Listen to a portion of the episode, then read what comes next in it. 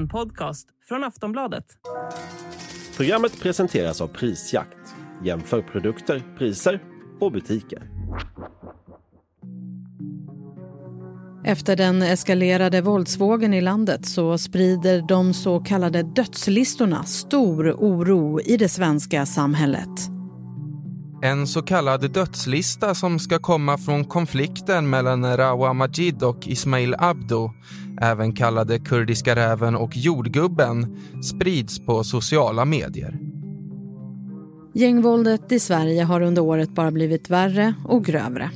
Under hösten har vi också sett hur flera anhöriga till gängmedlemmar drabbats och dödats i konflikterna. Vi har också under året hört om de så kallade dödslistorna. Listor med namn på gängmedlemmar som är fiender till andra gäng. Den första listan som blev känd för allmänheten var en lista på fiender till det kriminella nätverket Dalen. Den listan hittades i en kriminell mans telefon under en mordutredning. Den senaste tiden har en ny lista dykt upp. Listan har spridits i sociala medier och det är fortfarande oklart om listan är sann eller vem som ligger bakom den. Enligt uppgifter så finns det 41 namn på listan och oavsett äktheten i listan så tar polisen den på största allvar.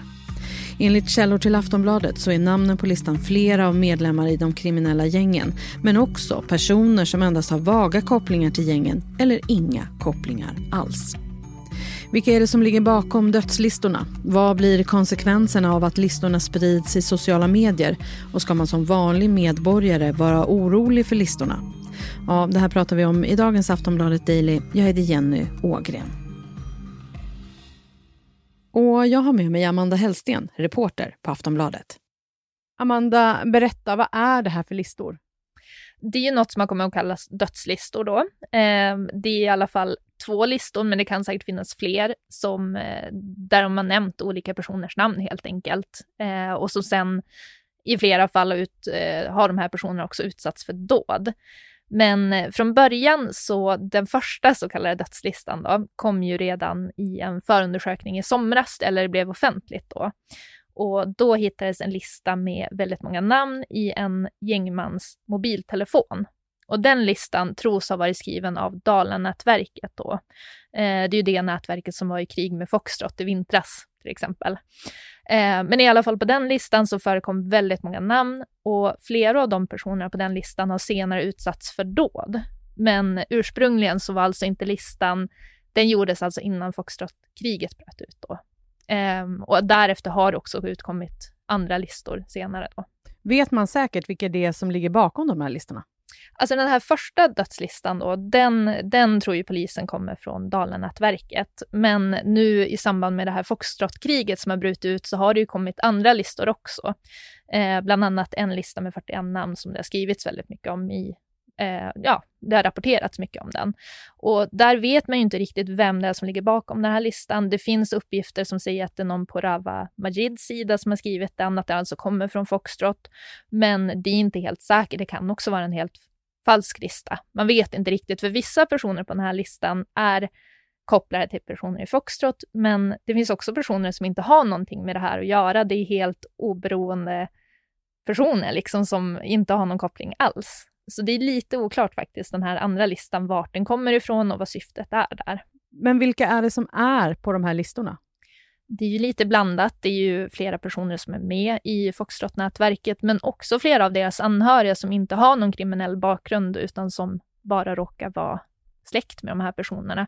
Det finns också andra, till exempel gamla exflickvänner eller vänner eller bekanta eller så, så det är absolut inte bara kriminella, utan det är väldigt många anhöriga också som tyvärr är med på de här listorna. Har man också sett folk på de här eh, listorna faktiskt har utsatts för brott?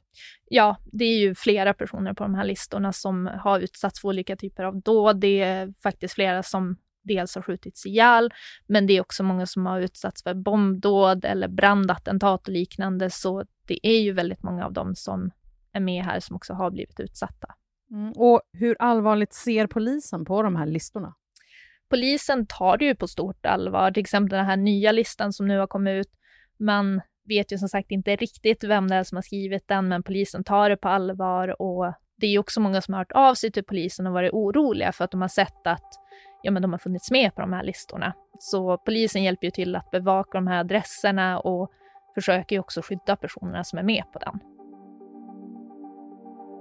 Vi ska snart prata mer med Amanda Hellsten. Vi tar en kort paus.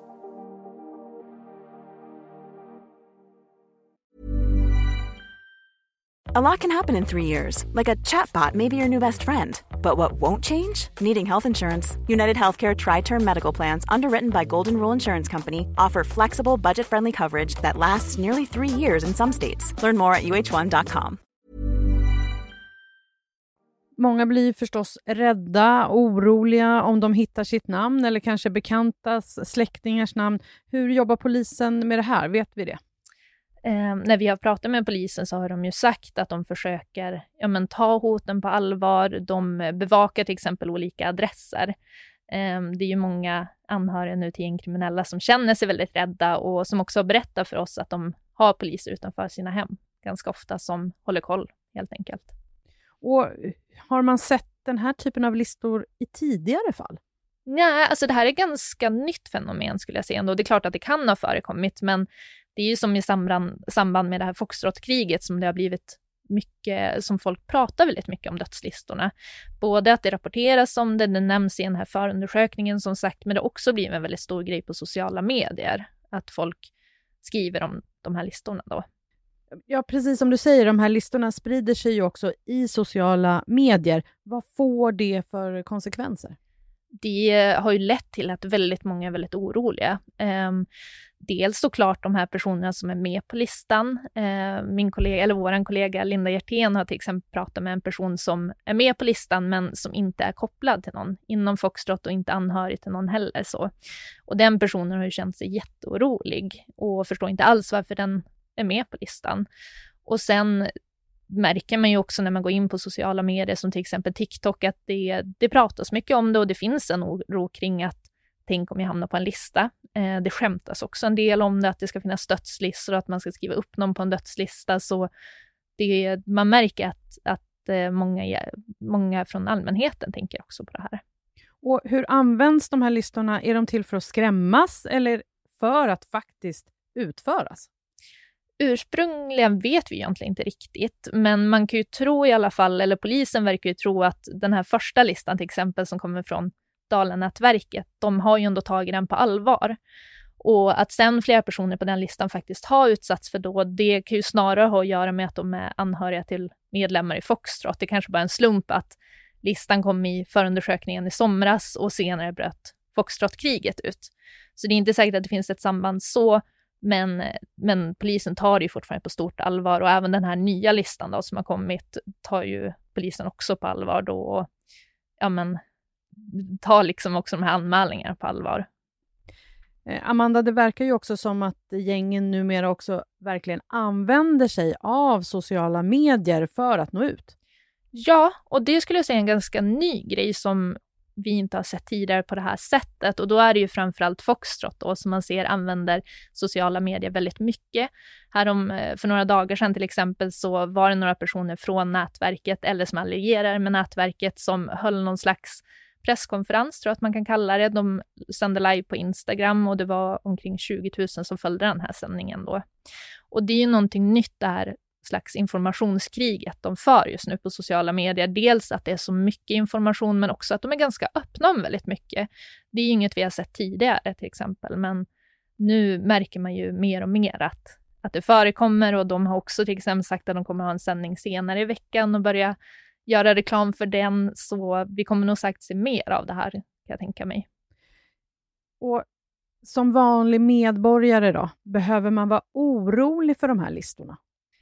det finns ju såklart en oro märker man när man pratar med många, men jag tror att det bästa om man känner en oro är ju att prata med polisen såklart. Det är inte så många personer som har förekommit på listor hittills, men man har ju ingen aning om vad som händer framöver. Så det är klart att skulle, känner man en oro eller skulle man se att man är med på en lista ska man såklart kontakta polisen då. Men som sagt, det är inte så många som har varit med på de här listorna än och framförallt inte så många som inte är anhöriga till en gängmedlem då. Även om många av de anhöriga också är oskyldiga.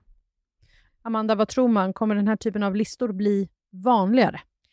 Det är ju svårt att säga, men vi har ju redan nu under hösten sett att det har blivit vanligare. Det har kommit en ny lista och det verkar också som att det ibland förekommer helt falska listor. Så på sociala medier i alla fall verkar det som att vi kommer att se mer av det här. Men som, som sagt, svårt att säga ändå. Amanda, tack för idag. Tack. Sist här, Amanda Hellsten, reporter på Aftonbladet. Jag heter Jenny Ågren och du har lyssnat på Aftonbladet Daily. Läs mer om allt kring gängvåldet på aftonbladet.se. Daily kommer ut med nya avsnitt på vardagar så följ oss gärna i Aftonbladets app så missar du inga avsnitt. Vi hörs snart igen. Hej då!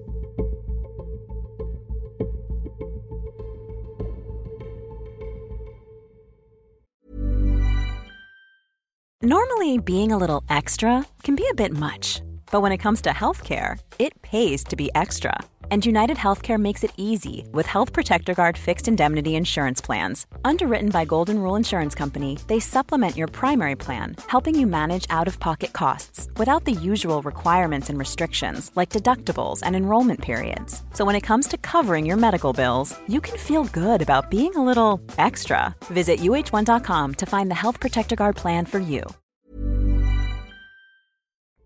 Du har lyssnat på en podcast från Aftonbladet. Ansvarig utgivare är Lena K Samuelsson.